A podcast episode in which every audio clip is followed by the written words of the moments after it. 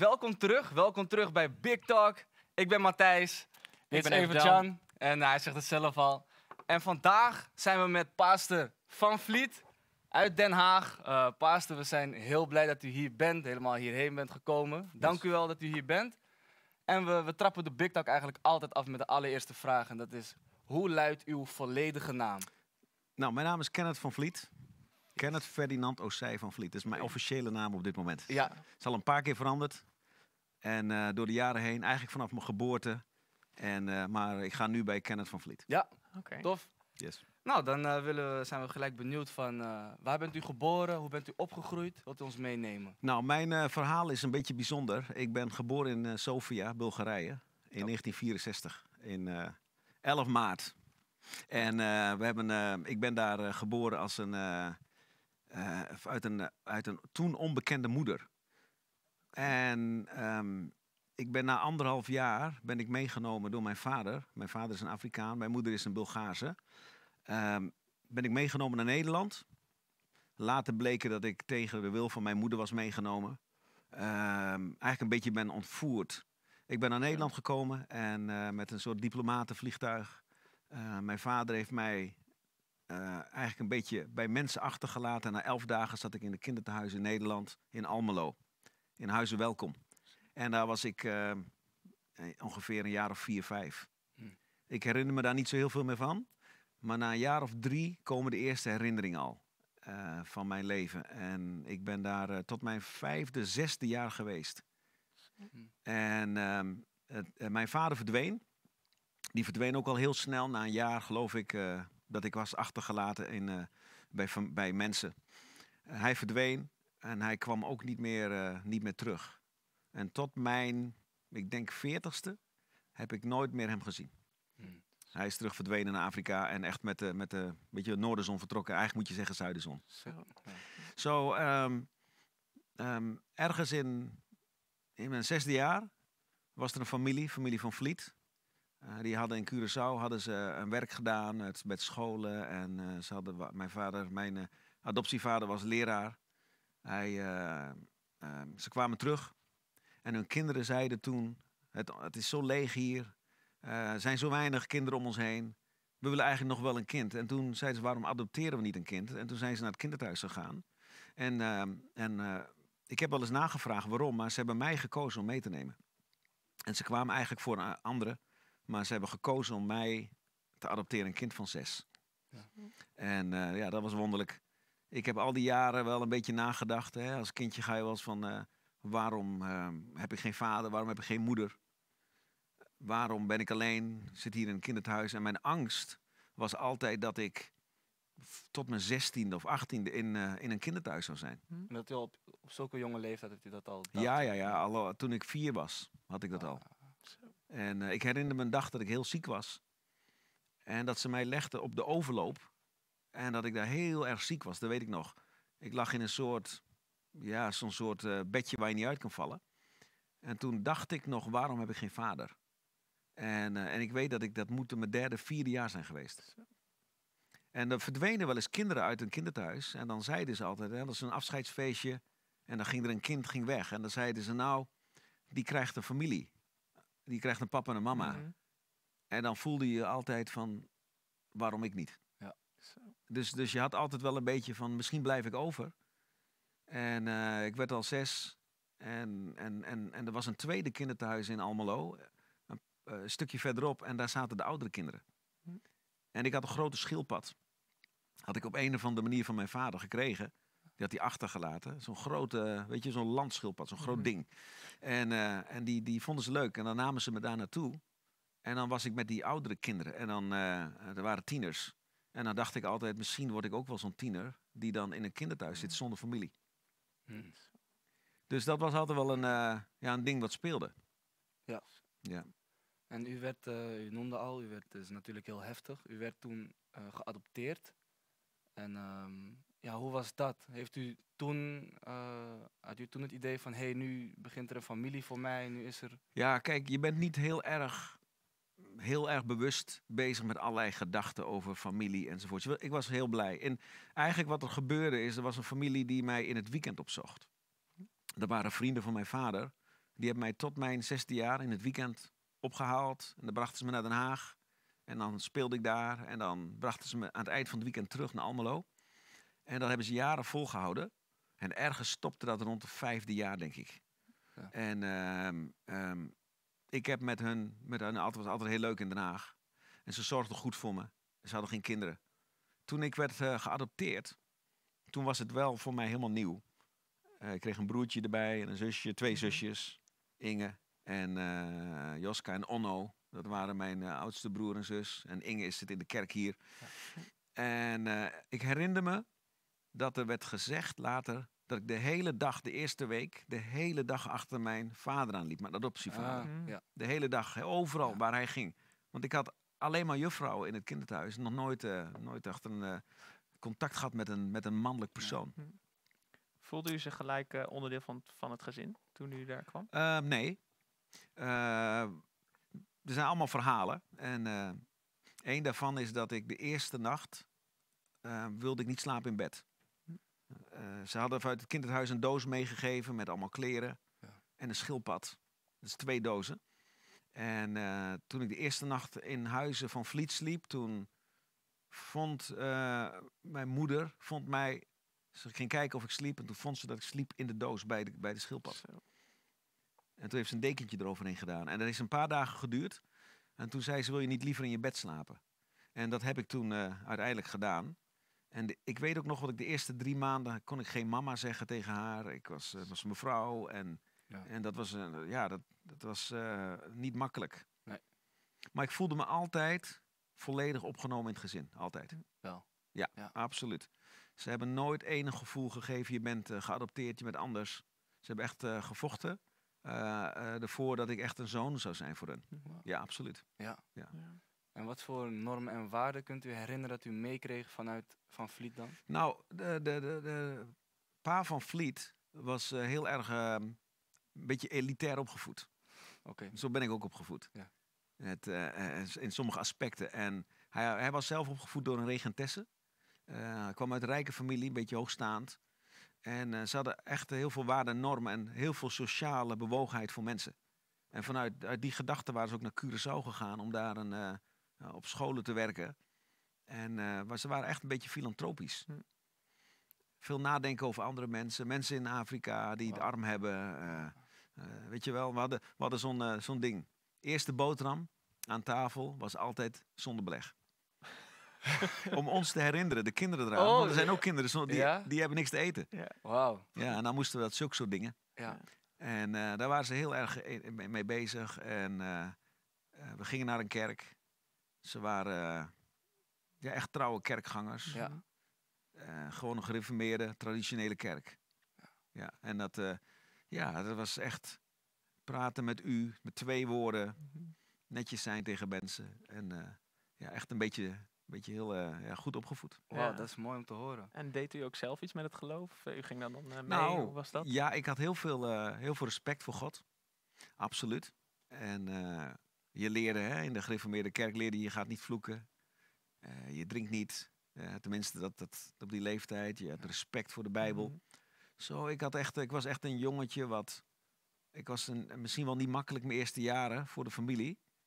eh, wat ik begreep. Maar ik had wel heel veel respect voor God en voor de Mhm. kerk. Ja. En ehm, ik denk dat ik mijn hele leven nooit gevloekt heb. De tien geboden heb ingeprent. Eh, naar de kerk ging. Al die dingen. Ja. En eh, God was heel belangrijk eh, voor mij. En het was niet dat ik bad. Het was ook niet dat ik mijn Bijbel las. Maar, maar God, ik had heel veel respect voor hem. Ja. Ja, En absoluut. hoe, hoe was het op, op school dan? Voelde u jezelf dan anders op school of ging dat ook gewoon vanzelf? Nou, wel? weet je, mijn, mijn, mijn leven, mijn jeugd is niet, een, eh, is niet iets heel makkelijks geweest. Hm. Ehm, mijn ouders verhuisden naar een klein dorpje in Drenthe. Hm. En daar woonden 3000 mensen. En ehm, eh, het was natuurlijk ook 1970 in die tijd, 1975. Er waren niet zo heel veel donkere mensen in Nederland. En eh, er waren er wel, maar zeker niet in Drenthe. Nee. Dus ik was een van de weinige donkere kinderen daar. ja. Ik heb mij nooit echt gediscrimineerd gevoeld. Maar je was wel anders. Ja. En eh, dat, dat, dat, is, dat speelde mee. Ik was ook anders omdat ik geadopteerd was. En eh, weet je, als je dingen hebt meegemaakt in je leven dan, en je komt uit het kinderthuis, dan kom je nooit onbeschadigd uit. Hmm.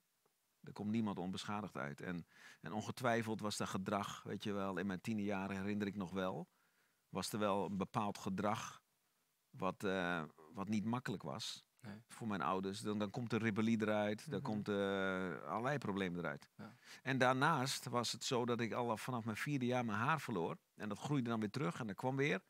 En eh er kwam er een pluk op mijn hoofd. En dan was het weer, eh, eh, weer helemaal weg. En dat maakte het helemaal niet makkelijk Mhm. voor mij.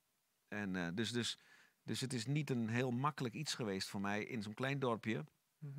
Een beetje geïsoleerd van de rest van de wereld bijna. Ja. Ja. En dan een donker kindje, waar ik echt, eigenlijk niet zo heel veel problemen mee heb gehad van mensen. En dan haarverlies en dan kinderthuis en al die dingen maakt het niet een heel makkelijk iets eh, eh, om, om mee te maken. Ik heb dat zelf niet echt heel veel ervaren in die tijd. Hm. Ik heb niet zo van wat is mijn leven moeilijk. Maar als ik nou terugkijk, dan, dan kan ik wel zien, er waren wel eh, momenten dat er kwam dat het echt uit. Ja. In de Ja. tienerjaren, weet je wel. Ja, neem ons mee in die tijd, de middelbare school. eh, Nou ja, ik had één keer een jaar, een jaar dat ik een heel conflict had met de klas. Dat niemand praatte met mij en ik praatte niet met niemand. Oh jee. Gewoon zo ruzie met de, Oh jee, met de rest. ja, ja. Ik weet niet wat, ik had een meisje gep- gepest of zo. En, eh, eh, of, of zoiets. En, weet je, ik hou soms een beetje van pesten. En ze had mij midden in een aula een klap op mijn gezicht gegeven. En toen heb ik gewoon een klap teruggegeven midden in haar gezicht met een vlakke hand. En dat was ruzie met de klas. Ja. Weet je wel? En dat is, als ik nou terugdenk, denk ik, ja, dat, dat, dat zijn die dingen die er dan uitkomen. Mhm. Ja. Ik was best wel eh, echt vervelend als tiener. Echt gewoon, gewoon een beetje bloed onder de nagels vandaan halen. eh, vervelend zijn. eh, De grens opzoeken. Niet goed studeren. En, en eh, ja, dat, dat komt er dan wel een beetje uit. Ja. Ja, absoluut. En u zei van... Ondanks, ondanks de, de moeite die die familie deed voor me. Want ze waren echt goed. Ja. Absoluut. Goede familie. Ja. En was het ook dat u dan... eh, u zei het echt een respect voor God, maar was het ook dat u een moment dat u van dat u naar God keek? Zo van, waarom heeft u... Dat het Gods schuld was misschien sommige dingen in uw leven? Nee, heb ik nooit gehad. Nee? Absoluut nooit. Er is een, een rare ervaring ge- geweest die ik had toen ik in het kinderthuis was. Mhm. Dat heeft mijn leven bijgebleven. Toen ik vier, vijf, ik denk dat ik vier was, tussen vier en vijf, was ik in, de kinder, in het kinderthuis in de tuin. En de tuin was een, was een enge plaats. Want je keek dan s'avonds, keek je zo, soms keek je door de gordijnen naar beneden. Mhm. En dan zag je daar die donkere tuin en liep daar een nachtwacht Ja. te bewaken. En eh daar waren we allemaal bang. Mhm. En eh, ik was een keer alleen in de tuin overdag. En toen zag ik een grote spin met zo'n kruis erin. Zo'n wit Mhm. kruis, heel wit. Ja. Ik zat in de web. En toen keek ik ernaar. En toen liep ik door. En ik weet nog dat ik heel klein was. En toen ehm, had ik een paar gedachten. En toen plotseling kwam er een stem. Dat is heel apart. Een stem die heel duidelijk sprak tot mij. En die zei, wil je voor mij leven? Dat is gewoon zo duidelijk, zo helder, dat ik gewoon helemaal schrok. En dat ik zo opkeek en toen zei ik van binnen, het was ook van binnen. Toen zei ik, nee, als ik oud ben. Mhm. En dat is mij altijd bijgebleven. Dat door de jaren heen, als er eh, problemen waren, soms had je verdriet of pijn, dan dacht ik altijd eh, bij mezelf, nee. Eh, Dan bad ik ook wel eens, zeg, God gaat mij wel helpen. Hm. Ja. En dan verdween pijn of verdriet, weet je wel. En, ehm, en dat bleef altijd bij. Dus, dus ik had nooit het idee dat, dat, dat God tegen mij was. En wat er ook gebeurde is, eh, als ze dan in de kerk, er was een, was in de, ik was op een gegeven moment, was ik 14. 14, 15 denk ik. Want ik ben met 16 naar huis gegaan. Ja, met, ik was 14. En dan gingen we naar de kerk in dat kleine dorpje. En dan ging die hele grote deur open. En dan gingen we weer, dan liepen we als gezin. En dan ging iedereen keek je dan aan zo. Het was een heel hoog gebouw en dan, elk geluidje hoorde je. En dan keken ze je allemaal aan. En dan ging je zitten. Ik voelde me altijd bekeken. Ja. En op een dag, was het op een zondag, stonden we weer voor die deur. En toen ehm, wilden we naar binnen gaan. En toen begon ik in één keer te schreeuwen. Ik kon het gewoon niet meer aan. Mhm. En ik begon te schreeuwen, nee, dat doe ik nog, nee, ik ga niet meer. En ik, en ik schreeuwde heel hard, nee. En toen rende ik weg. Ja. Dan ben ik naar huis gerend en ben ik nooit meer naar de kerk gegaan. Mm. Zo. En eh, mijn ouders hebben nooit wat gezegd. Nooit van, wat is dit, wat gebeurde. Ze hebben gewoon doodgezwegen. Weet je wel? Nooit gevraagd. Het was gewoon gezetteld, ik ga niet meer naar de kerk. En het was niet omdat ik niet van God hield, maar ik kon het niet meer aan dat mensen me aanstaarden Mhm. Ja. en naar me keken. En eh, gewoon met een koude blik en dan weer, eh, weet je wel, dat kon ik Ja. gewoon niet hebben. Ondanks dat wist ik, op een dag ga ik Jezus volgen. Hm. Ik wist niet hoe. Ik wist ook niet op welke manier dat zou gaan gebeuren, maar ik wist wel, van de Bijbel zegt dat de discipelen volgden Jezus. Op een dag ga ik dat misschien ook wel doen. En geloof je dat, kan dat zijn dan mede door uw opvoeding ook? Of was het echt dat moment dat u, toen u vier was? Ik denk dat moment en eh, de opvoeding ook. Want, want eh, het was wel een huis waar, eh, ja, waar, waar ze wel in God geloofden. Ja. Mhm. En God respecteerden, absoluut. Ja. En al die dingen hebben wel meegeholpen. Ja, precies. Er werd Bijbel gelezen in huis, eh, weet je wel, kinderbijbel.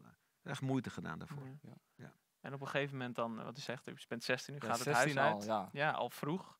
Eh, hoe ging die tijd en Nou, naar het studeren toe? Dat ging eigenlijk omdat ik ging het huis uit, omdat, niet omdat ik er al klaar voor was, maar omdat ik eigenlijk, ik had de MAVO gehaald met gemak. Toen wi- wilde ik HAVO doen, maar die wilde ik op dezelfde manier gaan halen als de, als de MAVO. Dat gaat niet. Hm. Ik weigerde te studeren. Dus eh, na een halfjaartje was het ook voorbij. En ehm, toen was ik 15, 16,5. En uh, er was- had niks te doen. En toen was er een vriend van mij die reed paard. Die was een hele goede paardrijder, mijn buurjongen. En eh, die had professionele paarden. En die was aan het werk in, in België. En die zei, ik heb iemand nodig die mij helpt om paarden te trainen. Hm. Wil je komen? Ik had ook een pony. Dus ik zei, is goed. Dus ik ging naar België. En dat is eigenlijk het moment dat ik het huis verliet. En eh, ja, eh, ik ben eigenlijk nooit meer teruggekomen om in huis te wonen. Nee. Ik heb eh, daarna, na België, heb ik, dat duurde een half jaar, werd er niet betaald. Ik kwam nog even terug en toen begon een school en dat was de SIOS in Arnhem. En daar werd, je, werd ik op ingeloten. Dat was echt een, echt een beetje een wonder. Ja. Ik denk ook wel Gods hand erin. Want op het SIOS komen alleen maar kinderen van, eh, weet je wel, met, met, met uiterlijk, uitzonderlijke prestaties. Mhm. Dus topsporters, mensen in, eh, in, in hoge teams. En er waren een paar plekken werden uitgeloot. En daar was ik eentje van. Ja. Dus ik, eh, ik, werd gewoon, ik kreeg bericht, je bent ingelood. Dus ik zeg, wauw. Dus ik ging naar Arnhem. Ja. Nou, en daar was ik, eh, ik denk, eh, 17. En eh, ja, voor het eerst in een grote stad. Daar ben ik op een gegeven moment, eh, ja, naar school gegaan, naar de CIOS. En eh, dat was, was een hele, hele leuke tijd. Ja. Hm. En ehm, je, je, je sport 30 uur per week, denk ik. En eh, je hebt de vier uur theorie per, jaar, per, per, per week, ongeveer. Kijk, mooi vak. Ja, dat is prachtig. En je sport alleen maar met, met toppers. Ja. Dus, eh, maar zelfs die vier uur theorie per week was te veel voor mij. Was Oh. dat veel? En na twee jaar was ik er ook heel gauw afgegooid. ja. Ik haalde het tweede jaar niet, het eerste jaar wel. Het tweede jaar niet, want eh, ik weigerde gewoon echt te leren. Ik had liever zin in sporten en plezier maken en, enzovoorts. Dus, dus ik verloor eh, ja, mijn, mijn plek op school. En dat was echt een grote shock. Ja. Hm. Een grote shock voor, voor mijn ouders toen. Grote shock voor mij ook. En toen was ik werkloos. Zo. Toen was ik 19. En u woonde in Arnhem toen? Ja, Ja, was ik in Arnhem. op jezelf? Ja. ja. Hoe is die tijd dan? Nou ja, toen werd ik, eh, werd ik eh, op een gegeven moment was ik, ja, je hebt, je hebt geen school, doelloos. Ja. Dus wat ga je doen? Eh, niks doen. En het eh wondere geval was dat eh paaster Harry van der Woude zat ook op die school in hetzelfde jaar en die werd er ook afgetrapt. Eigenlijk bijna de hele klas. Het was, het was zo'n puinhoop. Dat, Ah, ja, ja, dat bijna het hele jaar Ja. raakten ze kwijt van die school. Daar waren ze niet Mhm. blij mee. Mhm. Maar eh, ook Harry van der Woude. En we zochten elkaar wel eens op. in Arnhem. Ik had wat Antilliaanse vrienden. Wat allerlei mensen. En nou ja, het was de tijd van breakdance. En tijd van discotheken. En een beetje feest vieren. Nou, ik kreeg een relatie met een meisje. Daar woonde ik een tijdje. En eh, dat was ook niet zo super. En ehm, nou, dat, dat, dat heeft een periode geduurd. En ik denk dat ik rond de twintigste was. Dat ik Harry weer eens een keer tegenkwam. Ja. ja. En eh, ik denk dat Harry van der Woude in die tijd tot bekering kwam. Mhm. En we zaten samen op een kung fu club. En, en, en het gerucht ging, Harry is bekeerd. Was een preek op straat en eh, iedereen aan het vertellen over Jezus. En, en, en ja, toen maakten we een plan. Toen zeiden we, we gaan hem ontvoeren. We gaan hem te pakken nemen, de Kung Fu Club. En dan gaan wij hem eh, deprogrammeren. Want dit is niet normaal. Nou, we zijn er nooit gekomen tot dat punt.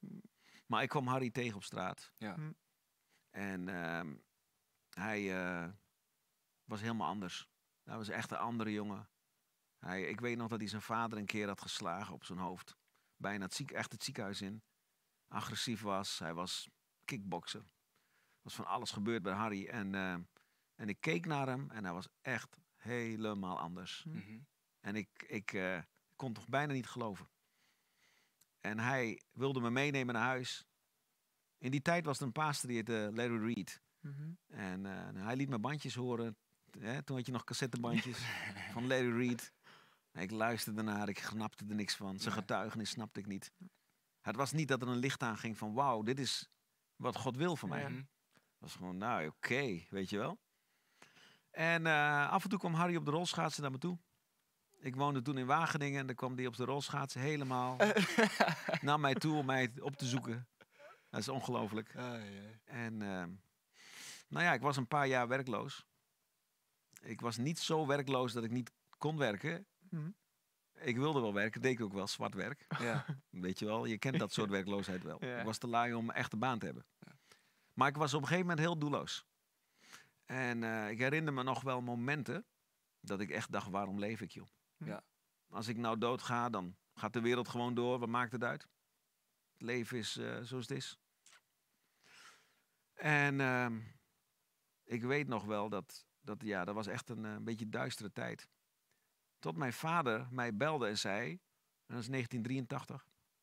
Hij zei, er is een opleiding gestart, ICT. Dat heette toen eh, IT. En eh, een soort ICT-opleiding. En dat is de eerste in Nederland. Hm. Op eh, mbo-niveau. Hij zegt, waarom ga je het niet proberen, joh? Toen dacht ik, weet je, waarom niet? Ja. Het is iets heel anders dan SIOS, maar het was een, was een korte studie van zes maanden, zes maanden stage. Hm. En die heb ik gedaan. Ja. En ik was heel erg serieus om die af te maken. Want ik wist, dit is echt een beetje de laatste kans voor me. Ja. En, eh, dus ik ging elke dag op de fiets van Wageningen naar, eh, naar Arnhem.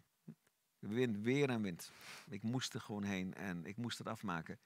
En eh, ik heb die studie ook afgemaakt. En daarna ben ik gaan, gaan werken. Ik heb mijn stage gehaald. En ik ben gaan werken in Ede bij een, bij een, een bedrijf in de ICT-afdeling. Hoe denk je dat die switch is gekomen? Is dat gewoon een, een knop die je omzet of was het van ik ben zo eh, Ja. diep nu dat het, het who cares anymore? Ik voelde mij niet altijd even diep weg, weet je wel. Maar ik wist wel, ik moet iets. Ja. Je moet gewoon iets. Ja. Ja. En ehm, ik wist, wist ook dat ik in een relatie zat die gewoon helemaal niet, eh, niet echt eh, serieus was. Was echt geen goede, goede relatie voor me. Dat wist ik ook, dat gaat hem ook niet worden. Ik had wel heel veel plezier met een hele hoop dingen in mijn leven. Maar ik wist ook, ik, ik, ik, ik ben op een weg die nergens naartoe leidt. Mhm. En ehm, Harry begon te getuigen tegen mij. Mhm. Hij begon eh, te praten. In die tijd kwam Inge ook tot bekering.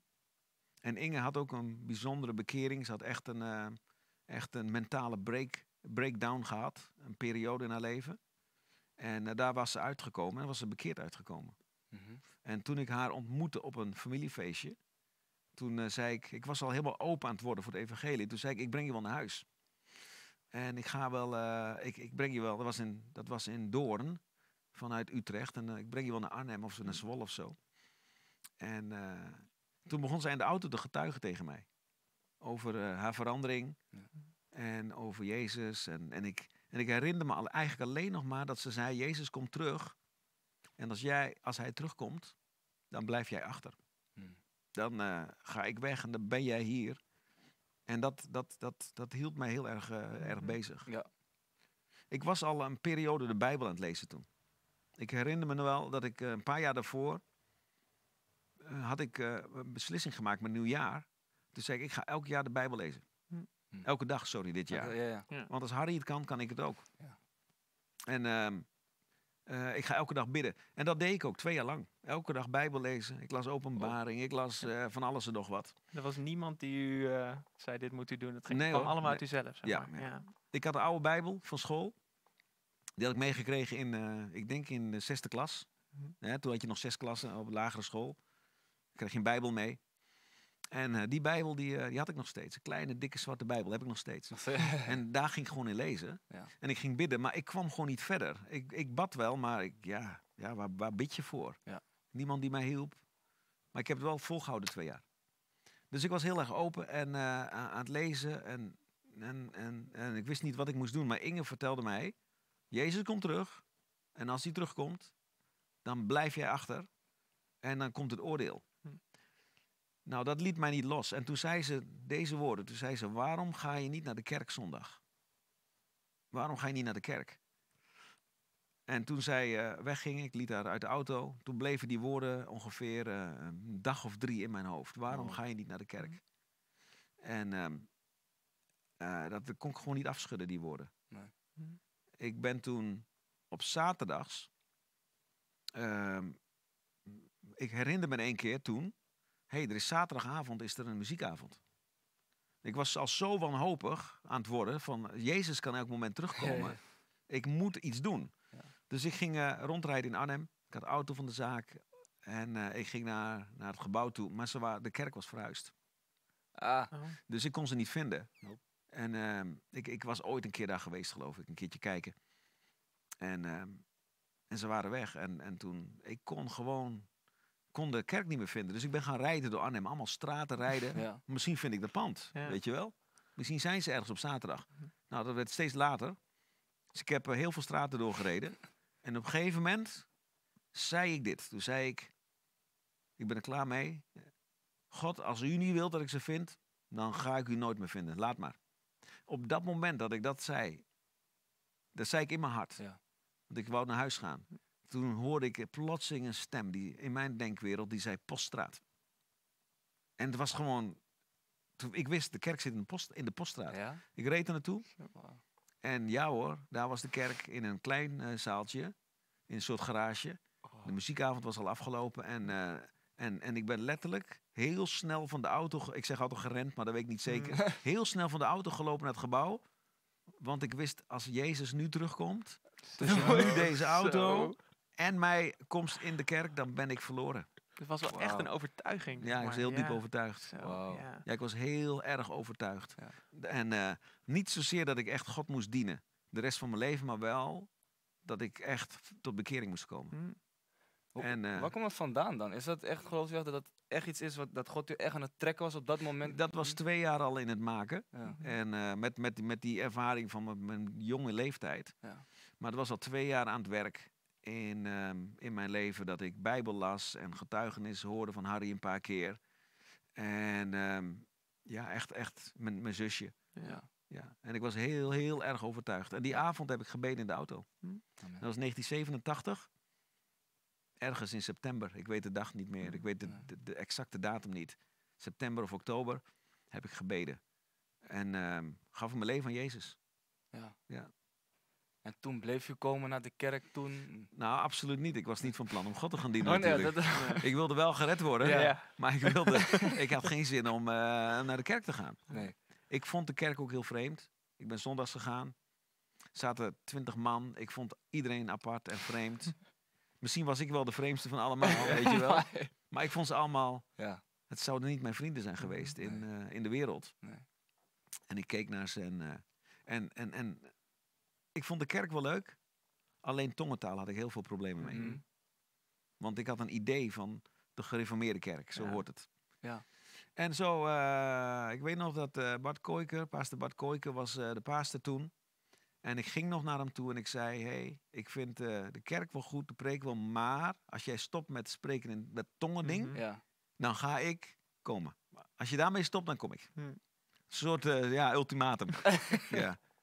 En toen zei hij, ah joh, dat, eh, kom dan maar gewoon. Je, dat- je zult, we zullen wel zien. ja.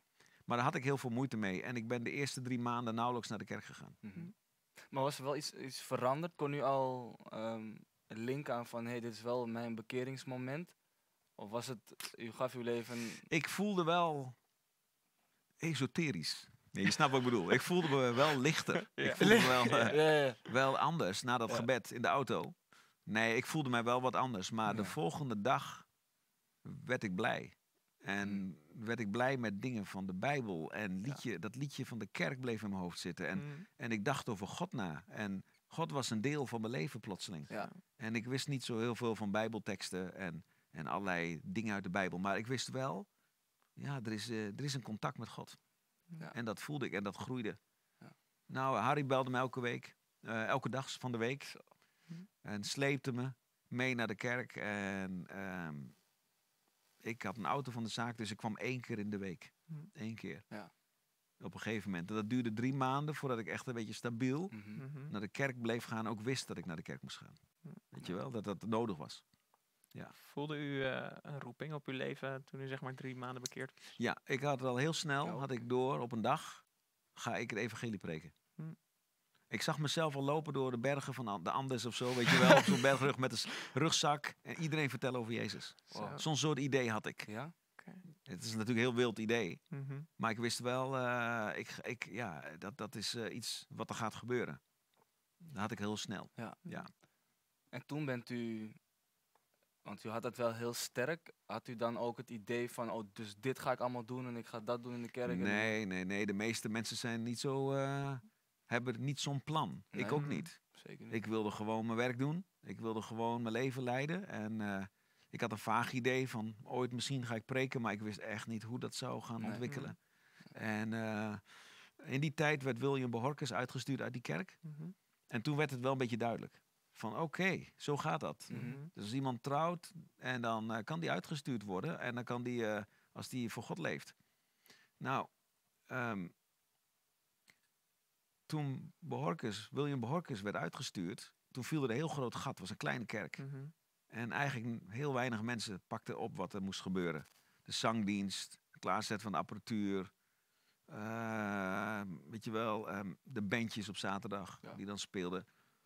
En er was toen in die tijd, ik denk, ik denk dat ik een jaar bekeerd was, dat iets in mij opstond en zei: Als niemand het doet, dan ga ik het doen. Hm. Dus ik begon echt heel veel werk te doen. Mhm. Zaterdags, zondagsmorgens om zes uur stond ik dan op en dan eh, half zeven was ik in het gebouw en dan zet ik de apparatuur op, want dat moest dan echt opgezet worden. Ja. Eh, ik was heel snel in de zangdienst, eh, bijbelstudies doen en in een bandje en al zulke soort dingen. En ik was gewoon op een gegeven moment gewoon, ja, niet omdat ik een idee had om uitgestuurd te worden, maar ik wilde gewoon de kerk helpen. Mhm. Ja. En eh, wat ik, was ik al heel snel een volgende persoon die echt gebruikt kon worden, Mhm. denk ik.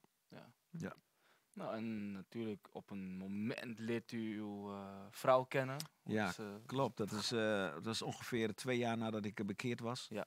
En en, ik trouwde een half jaar later Zo. en we werden uitgestuurd na 2,5 jaar. Naar Den Haag. Ja. Ja. Dat is snel gegaan. Ja, ik was, ik was ja, eigenlijk een beetje te snel, misschien. Ja. Hm. Maar ja, zo ging het in die tijd. Ja. De fellowship was klein. kerken moesten worden geplant. Ja. Mensen waren enthousiast. Ga maar. Gaan U zei Ja. al van, eh, dat u in Den Haag gewoond had en die, eh, u ging naar die vrienden toe in het weekend. Ja. Wilde u daarom ook naar Den Haag? Nou, ik wilde eigenlijk naar Rotterdam. Oh, Ja. Maar, laat het de mensen niet horen. nou, dat is niet erg. Maar ik wilde eigenlijk naar Rotterdam toe. Dat is een, eh, voor verschillende redenen. Maar eh, een half jaar voor mij werd Pastor Sarres Draaier uitgestuurd naar Rotterdam. Ah. Mm. En toen dacht ik, nee, nee, hij. We hadden toen het idee één stad, kerk per stad. Ja. Dus Ja. dat kan niet. En eh, nou ja, toen dacht ik, weet je, Den Haag. En ik, ik, ik herinner me van die eh, jeugdtijd, hè, dat ik een klein kindje was. Die momenten in Den Haag, plaatsen, herinner ik me nog toen. Ja. Van toen Mhm. ik dacht, weet je, Den Haag is een mooie plek. Mhm. Dus toen, eh, dat was het beste logische. Ja. Keus. Ja. Ja. En hoe is dat? Ik bedoel, van, het is natuurlijk wat u zegt, van het, het is net het begin en alles. eh, de, de kerk bestaat nog helemaal niet zo lang. En hoe is dat? U bent als pionier daar in Den Haag. Eh, hoe heeft u die tijd beleefd? Ja, bijzondere tijd natuurlijk. Ehm, ehm, we gingen naar de stad, die was zo groot voor ons. Dat we gewoon echt een beetje overweldigd waren. Ja. En eh, het is al moeilijk de stad binnen te komen. Nou ja, weet je, er lopen duizenden. In, in die tijd was Den Haag zo volgepakt. In, de- in, de, in de weekenden en op zaterdag was echt, je kon over de hoofden lopen. Je voelde je een beetje verloren soms. Ja. Ja. Maar eh, hadden een moeilijke start aan het begin. Eh, maar eh, na, een, na een jaar of zo had ik eh, 27 mensen, 30 Mhm. mensen. Ja. Dat ging heel goed. Tot de paaster in die tijd langskwam en die eh, keek naar het gebouw en zei, ja, dat is helemaal niks. je moet die weg. Nou ja, en eh, die wilde dat ik in de woonkamer begon, in, opnieuw. En dat, maar dat was er wel aan de andere kant van Den Haag, dus 10 kilometer verderop. Mm. Mhm. Dus ik verloor bijna iedereen. Ah, ja. En ehm, we, waren- we deden dat gewoon toen. Als hij dat zei, deden we dat. Mhm. En eh, ik verloor heel veel mensen. Ik had er drie over. En we begonnen in de woonkamer God te dienen. En ik herinner me een moment. Het was natuurlijk niet leuk dat je zoveel mensen kwijtraakt. Maar ik herinner mij nog een moment dat ik dacht... Dat ik bad en in mijn woonkamer in een bid stond. En ik zei, God, als ik u moet dienen voor drie man... dan ga ik u dienen voor drie man. Mm. Maakt niet uit. Drie of dertig of driehonderd, ik ga u gewoon dienen. Ja. Nou, en in die woonkamer... ehm, ja, dat was, we hebben heel hard gewerkt. Ik heb die drie mensen uitgedaagd om elke dag mee te gaan op straat, elke dag. Mm. En eh, dat deden we. En we hadden geloof ik 80 bekeerlingen in, in, in twee maanden Zo. tijd. Waarvan er 35 Zo. bleven. Zo. Echt, dat was gewoon onvoorstelbaar. Ja. En eh, we hadden de kerkdienst in de woonkamer soms. En dan eh, belde de een naar de ander aan. Gewoon uit zichzelf. Ja. Niet opgehaald, die kwamen gewoon. Soms zaten er elf bezoekers in onze, in onze, in onze woonkamer. Ja. Eh, de- 's morgens en dan acht 's avonds. Hm. En dat je dacht, dat is niet normaal. En, en daarvan zitten nog steeds mensen in mijn kerk. Ja. Zo. En dat was echt een beweging van God. En we hadden 30 man of zo al na een, na een periode. En we vonden toen een pand eh, vlakbij. Nou ja, daar begonnen, begonnen we door te groeien. Ja. Mhm. Dat Ja. was een heel bijzondere tijd. Ja. Ja. Had u toen wel het idee van, oh, dit is dus die, die, die roeping die, eh, die ik aan het uitwerken ben nu? Toen begreep ik natuurlijk alles van roeping. Ja, Ja, tuurlijk. Toen wist ik wel, dit is hoe God het wil. Ja. En ehm, ik ben echt zijn, zijn, zijn wil aan het uitvoeren. Ja, absoluut. Ja. Ja. En eh, als u kijkt, zeg maar, u- zit nog steeds in Den Haag, zeg maar. Wat Ja. zijn, nou- zijn, eh, hoe lang zit u nu in Den Haag? Eh, ik denk dit jaar 32 jaar. 32 Ja. jaar. Zijn er, zijn, er, eh, zijn er lessen die u geleerd heeft in het, in het begin, die u nu nog steeds toepast? Of dingen die u Nou, ik denk wel. Eh, je weet nooit hoe het loopt met iemand. Als iemand eh, een kerk overneemt vanaf het begin, dat kan. Maar er zijn wel hele kostbare lessen van pionieren. En ik Mhm. denk dat dat wel heel belangrijk is. Dat je echt, echt leert pionieren. Dat je echt leert vechten voor mensen. Als je pioniert, krijg je een hart voor mensen. Ja. Dan krijg je dat je vecht voor elke ziel. Elke halve garen vecht je ervoor, bij wijze van spreken. Ja, toch? Ja, want je, je, ja, eh, het, is, het is voor jou wel of niet mensen in de dienst. Mhm. Het is voor jou wel of niet groei van een kerk. En als je dan iemand kwijtraakt, is dat, doet dat heel veel pijn. En, eh, en, en zo je gaat vechten voor mensen. En, en ik geloof wel dat pioniers eh, da- da- nee, soms een extra element hebben. Mhm. Weet je? Ik zeg niet dat, dat anderen dat niet kunnen ontwikkelen, maar dat is wel wat ik geleerd heb. Ja. En eh, ehm, ik ben misschien niet altijd de meest gevoelige persoon, weet je wel, naar, eh, in, in het leven. Maar ik heb wel geleerd echt te vechten voor eh, verloren Mhm. zielen. Precies. En is dat iets wat u creëert dan? Of is dat gewoon een beslissing dat je maakt van... hé, hey, ik, ik geef om zielen en ik ga vechten voor zielen? Nou, kijk, weet je, ehm, we zijn niet altijd even nobel als dat we denken dat we zijn. Mhm. Het is soms ook voor een pionier van, ik wil gewoon dat mijn kerk succesvol wordt. Ja. Ja. Niet zo van, ik wil de stad redden alleen, want dat wil je ook. Maar je wilt ook dat jouw kerk het doet Mhm. en, eh, en goed gaat. Dus dat is een beetje dubbel. En daar heb ik wel eens mee gestreden. Van, doe ik het nou voor mij of doe ik het voor God? Mhm. Ja. En, eh, en aan de ene kant, ja, God gebruikt die menselijke ambitie, hè? de menselijke eh, verlangen om ook, ook, ook, ook iets te bouwen, Ja. iets te doen. Dat Mhm. gebruikt hij aan de ene kant voor zijn koninkrijk. En zo, ehm, ja, het is een wat je vraagt, een beslissing. Soms is het een beslissing van gewoon, ik geef niet op. Mhm. Ik bijt door. Ik heb al een jaar geen bezoekers gezien bijna. Ik ga gewoon door, want net zolang tot we ze wel zien. Ja. Gaan activiteiten organiseren, mensen helpen, investeren in mensen. Mhm. En dan langzamerhand komt er dan wel een beetje een omslag in je leven van, weet je, ik doe het niet, niet meer voor mijn succes. Hm. Maar ik doe het echt voor, ik wil mensen gered zien. Ja. Ja, Ja. prachtig. En u, u, heeft dan, u heeft nu meerdere kerken zelfs eh, uitgestuurd natuurlijk. Hoe is dat dan, een eerste keer dat u een echtpaar echt Nou. uitzendt? Ja, dat zijn, eh, a- a- dat zijn allemaal mijlpalen. Ja. Mhm. Ja, dat zijn allemaal, eh, weet je wel, eh, eh, daar preek je dan over. En dan gebeurt het. En dan zend je een echtpaar uit. En dat is gewoon, eh, ja, fantastisch. Ja? Ja, om te Ja. zien. En dan ga je zo'n kerk helpen. En eh, je wilt dat die mensen ook in het veld blijven. En dan leer je ze jouw lessen. Uh, dat kan niet altijd, want ze moeten ook zelf leren. Hè? Ja. Ze Ja. kunnen niet alleen van mij, ze moeten het zelf meemaken. Ja. Ja, dat zijn. ehm, dat, dan, dan zou je kunnen zeggen hè, dat jou... Het is net als een auto in de eerste versnelling en in de tweede versnelling en dan de Mhm. derde versnelling. Dat je echt in de volgende, volgende fase komt. Ja. Voor jouw kerk ook. Je kerk gaat dan leren van, hé, hey, wij zijn niet alleen, wij hebben nu een baby. Ja, Wij moeten voor die baby zorgen. dat is Ja, mooi, man. precies. En we hebben het natuurlijk gehad over hoe u bent eh, opgegroeid en de normen en waarden die u meekreeg. En wat geeft u dan zelf weer mee aan uw kinderen? Wat zijn uw normen en waarden eigenlijk die u meegeeft? Ehm, nou, je leert ze het evangelie. Mhm. Je leert ze respect te hebben. Je leert ze van God te houden. En je leert ze niet op te geven. En, en ja, in het christelijk gezin eh leer ze zich hun levens op te offeren. En voor een groter doel. Ja. En ik, ik, Mhm. ik vind dat dat, eh, ja, dat is eigenlijk zoals het leven behoort te zijn. Ja. Je leert ze dat wonderen bestaan. Dat heel veel kan gebeuren in jouw leven. Dat je leven gebruikt kan worden voor God. Ja. En vruchtbaar kan worden. Ja, en uw zoon is natuurlijk ook eh, uitgestuurd natuurlijk. Ja, ik heb er één die is uitgezonden Ja. naar eh, Rotterdam. Er zijn misschien nog wel één of twee die ook willen gaan in de Mhm. toekomst.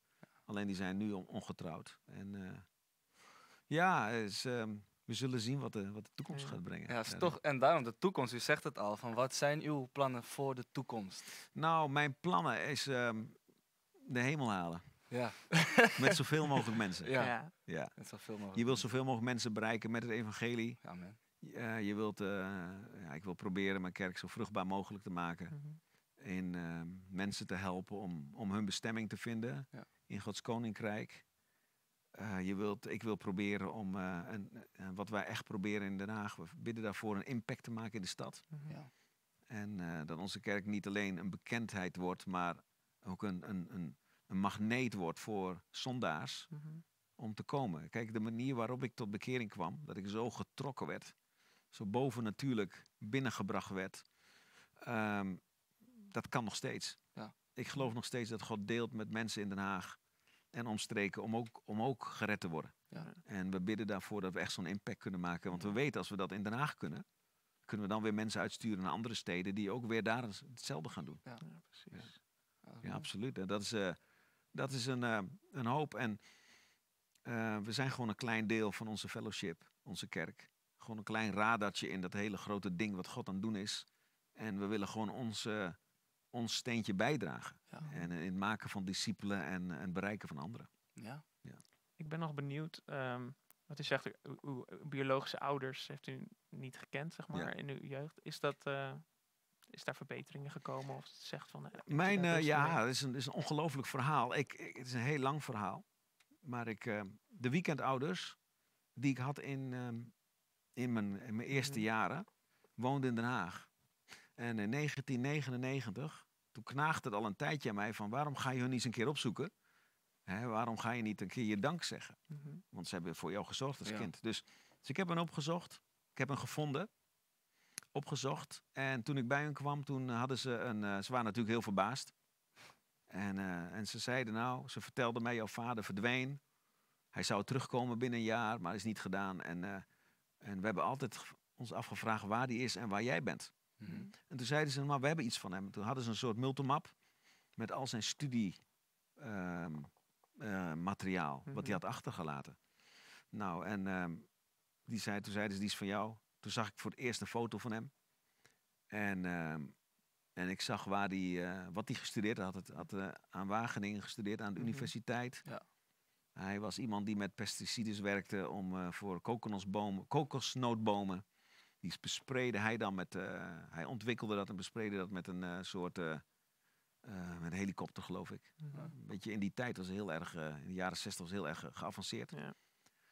En ehm, ik nam dat mee naar huis. Ik ging bladeren daarin. En toen vond ik een postkaart en daar stond achterop UTC Accra.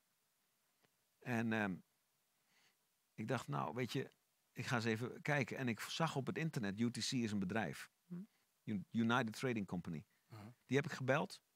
En toen heb ik gevraagd aan eh, de, de, de, de operator, weet je wel, aan de vrouw aan de telefoon. Ik ben die en die. Ik zoek, ik zoek een meneer die heet eh, Ferdinand Assante- Assante.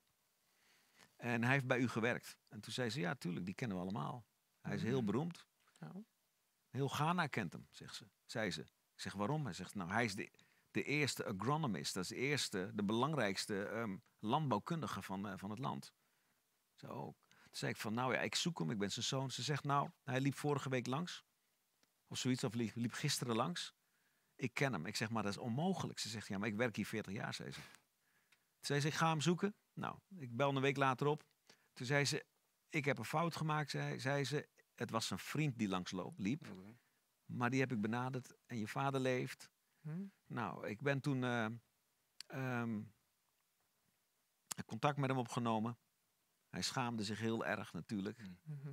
Later naar Ghana gegaan.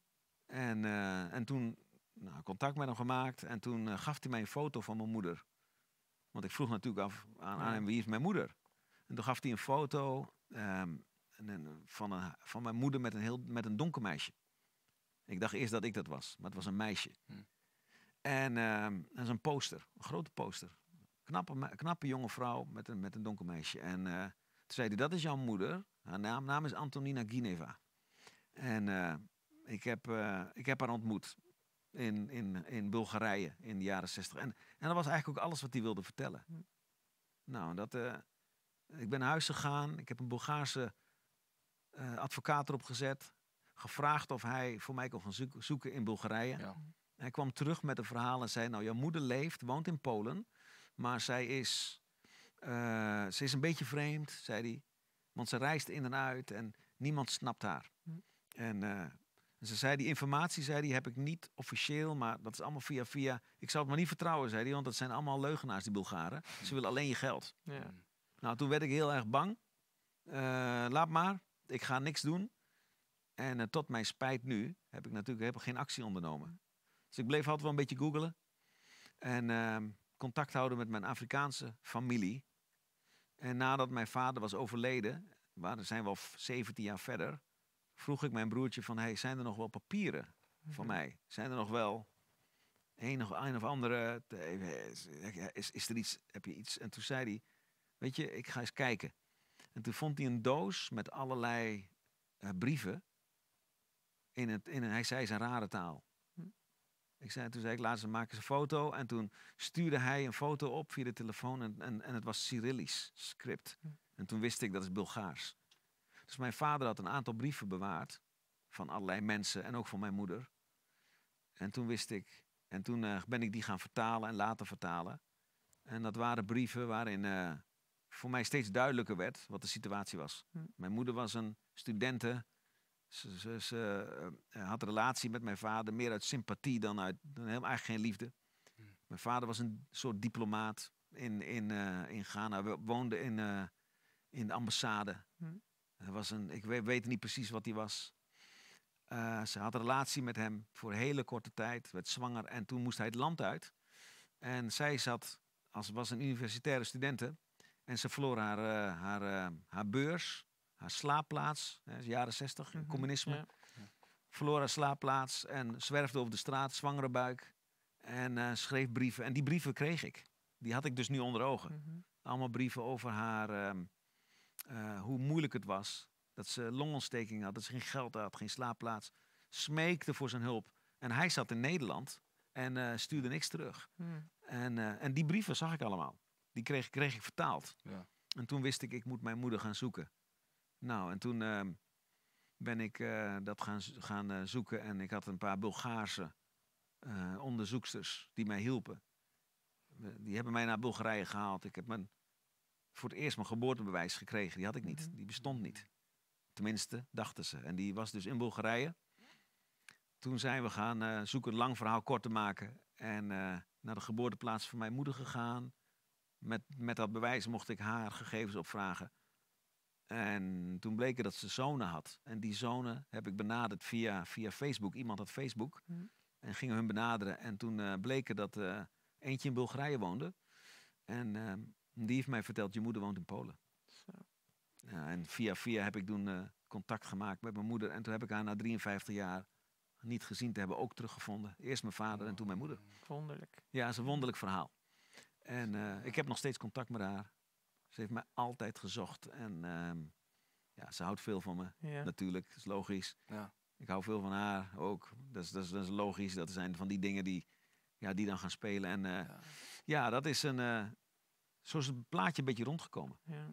Ja, dat is Ja. indruk. Echt, ik ben echt ja. onder de indruk gewoon van uw hele levensloop en alles. En ik wil eigenlijk vragen van, heeft u nog een, een bemoediging voor de kijkers? Wellicht voor, eh, van wat heeft u altijd op de been gehouden? Want u heeft veel meegemaakt, wat houdt u altijd op de been? Ehm, weet je, in de jonge jaren was ik niet echt een vechter. Ik was niet, eh, dat is pas gekomen. Ik heb pas leren vechten nadat ik tot bekering kwam. Hm. Niet, niet letterlijk natuurlijk, maar echt Nee. vechten voor dingen. Ja. Heb ik geleerd door, eh, door God, door de Bijbel, door de kerk. En eh, tot die tijd, hier vroeger was het altijd van, nou, ik doorsta dingen. Ja. Ik overleef het wel. Hm. Dat is een goede houding, denk ik. Om te zeggen, weet je, het komt wel goed, we overleven het. Maar, eh, maar ergens moet het ook omslaan in je leven. Van, ik ga ook vechten voor zaken. Ja. Want, want als je de Bijbel leest, het zijn zij die strijden voor dingen, zijn degenen die, eh, die ook iets krijgen. Ja. En, en dat is denk ik heel belangrijk. Eh, in onze generatie hebben wij echt jonge mensen die alles krijgen. Ze hebben nergens voor hoeven vechten bijna. En, en, en weet je, als je iets voor God wil doen, dan is dat een, echt een onmisbaar element. Mhm. En dat is wel een, denk ik, dat, dat is iets wat ik echt geleerd heb in mijn leven. Niet opgeven, nog een keer erop slaan. We vechten ons er doorheen. God gaat, gaat zo'n houding zegenen. Ja. En ehm, ja, dat is wel denk ik heel belangrijk voor mensen om dat, om dat, eh, dat te grijpen. Ja. Ja. Geloof ik zeker. Pastor, ik wil u bedanken voor uw openheid, voor eh, uw eh, gesprek. Evert Jan, ik wil jou bedanken. Ja, Dank, je jullie wel voor mijn, eh, dat ik hier mag zijn. Absoluut. Ja. Nee, we zijn heel eh, zijn blij heel dat u blij hier er was. Natuurlijk de kijkers thuis, bedankt voor het kijken. Dankjewel dat jullie het eh, tot het einde hebben ge- gemaakt. Wij zien jullie de volgende keer. We hopen dat jullie even kunnen bemoedigen, dat jullie iets nieuws hebben kunnen leren. En voor nu zijn we weer weg. Doeg! Tot ziens. Toppie. Dat was dan weer het derde seizoen. Het derde seizoen is tot het einde gekomen. We hopen dat jullie eh, hiervan hebben genoten. We hebben drie hele mooie seizoenen gedraaid. En dat hebben wij natuurlijk niet alleen kunnen doen. We willen alle pastors bedanken die lang zijn gekomen. Bedankt voor jullie tijd. Bedankt voor jullie openhartigheid. Ik geloof zeker dat jullie tot een bemoediging zijn geweest van, van iedereen. Van alle big talkers die hebben gekeken. Eh, alle mensen achter de schermen. De jongens die dit zijn begonnen natuurlijk. Terrence, Terrence Simon, Amir. Eh, Jolien die ook mee heeft gedaan. Ja, Eh, wie nog natuurlijk, meer? eh, Jeremy, die nu onze Jeremy. lichten en de camera's regelt. Ja. En Janine natuurlijk voor het wisselen. Absoluut. En de, Daan. en de koekjes. En de koekjes. achteraf. Heel belangrijk. Natuurlijk Daan, die mooie visuals die je altijd in beeld ziet Ja. als we aan het praten zijn. Ja, het is, eh, het is mooi geweest, denk ik. Hè? Het we is hebben, heel mooi We hebben drie eh, mooie seizoenen gemaakt. Hopen dat jullie Ja. ervan genoten hebben. Absoluut. En eh, wie weet komen we ooit nog een keer terug. Laat het ons weten als er uh, pastors uit de buitenkant in Nederland zijn die we kunnen Hey. interviewen. Gelijk. Stuur ons een berichtje en eh, wie weet tot de volgende keer. Yes.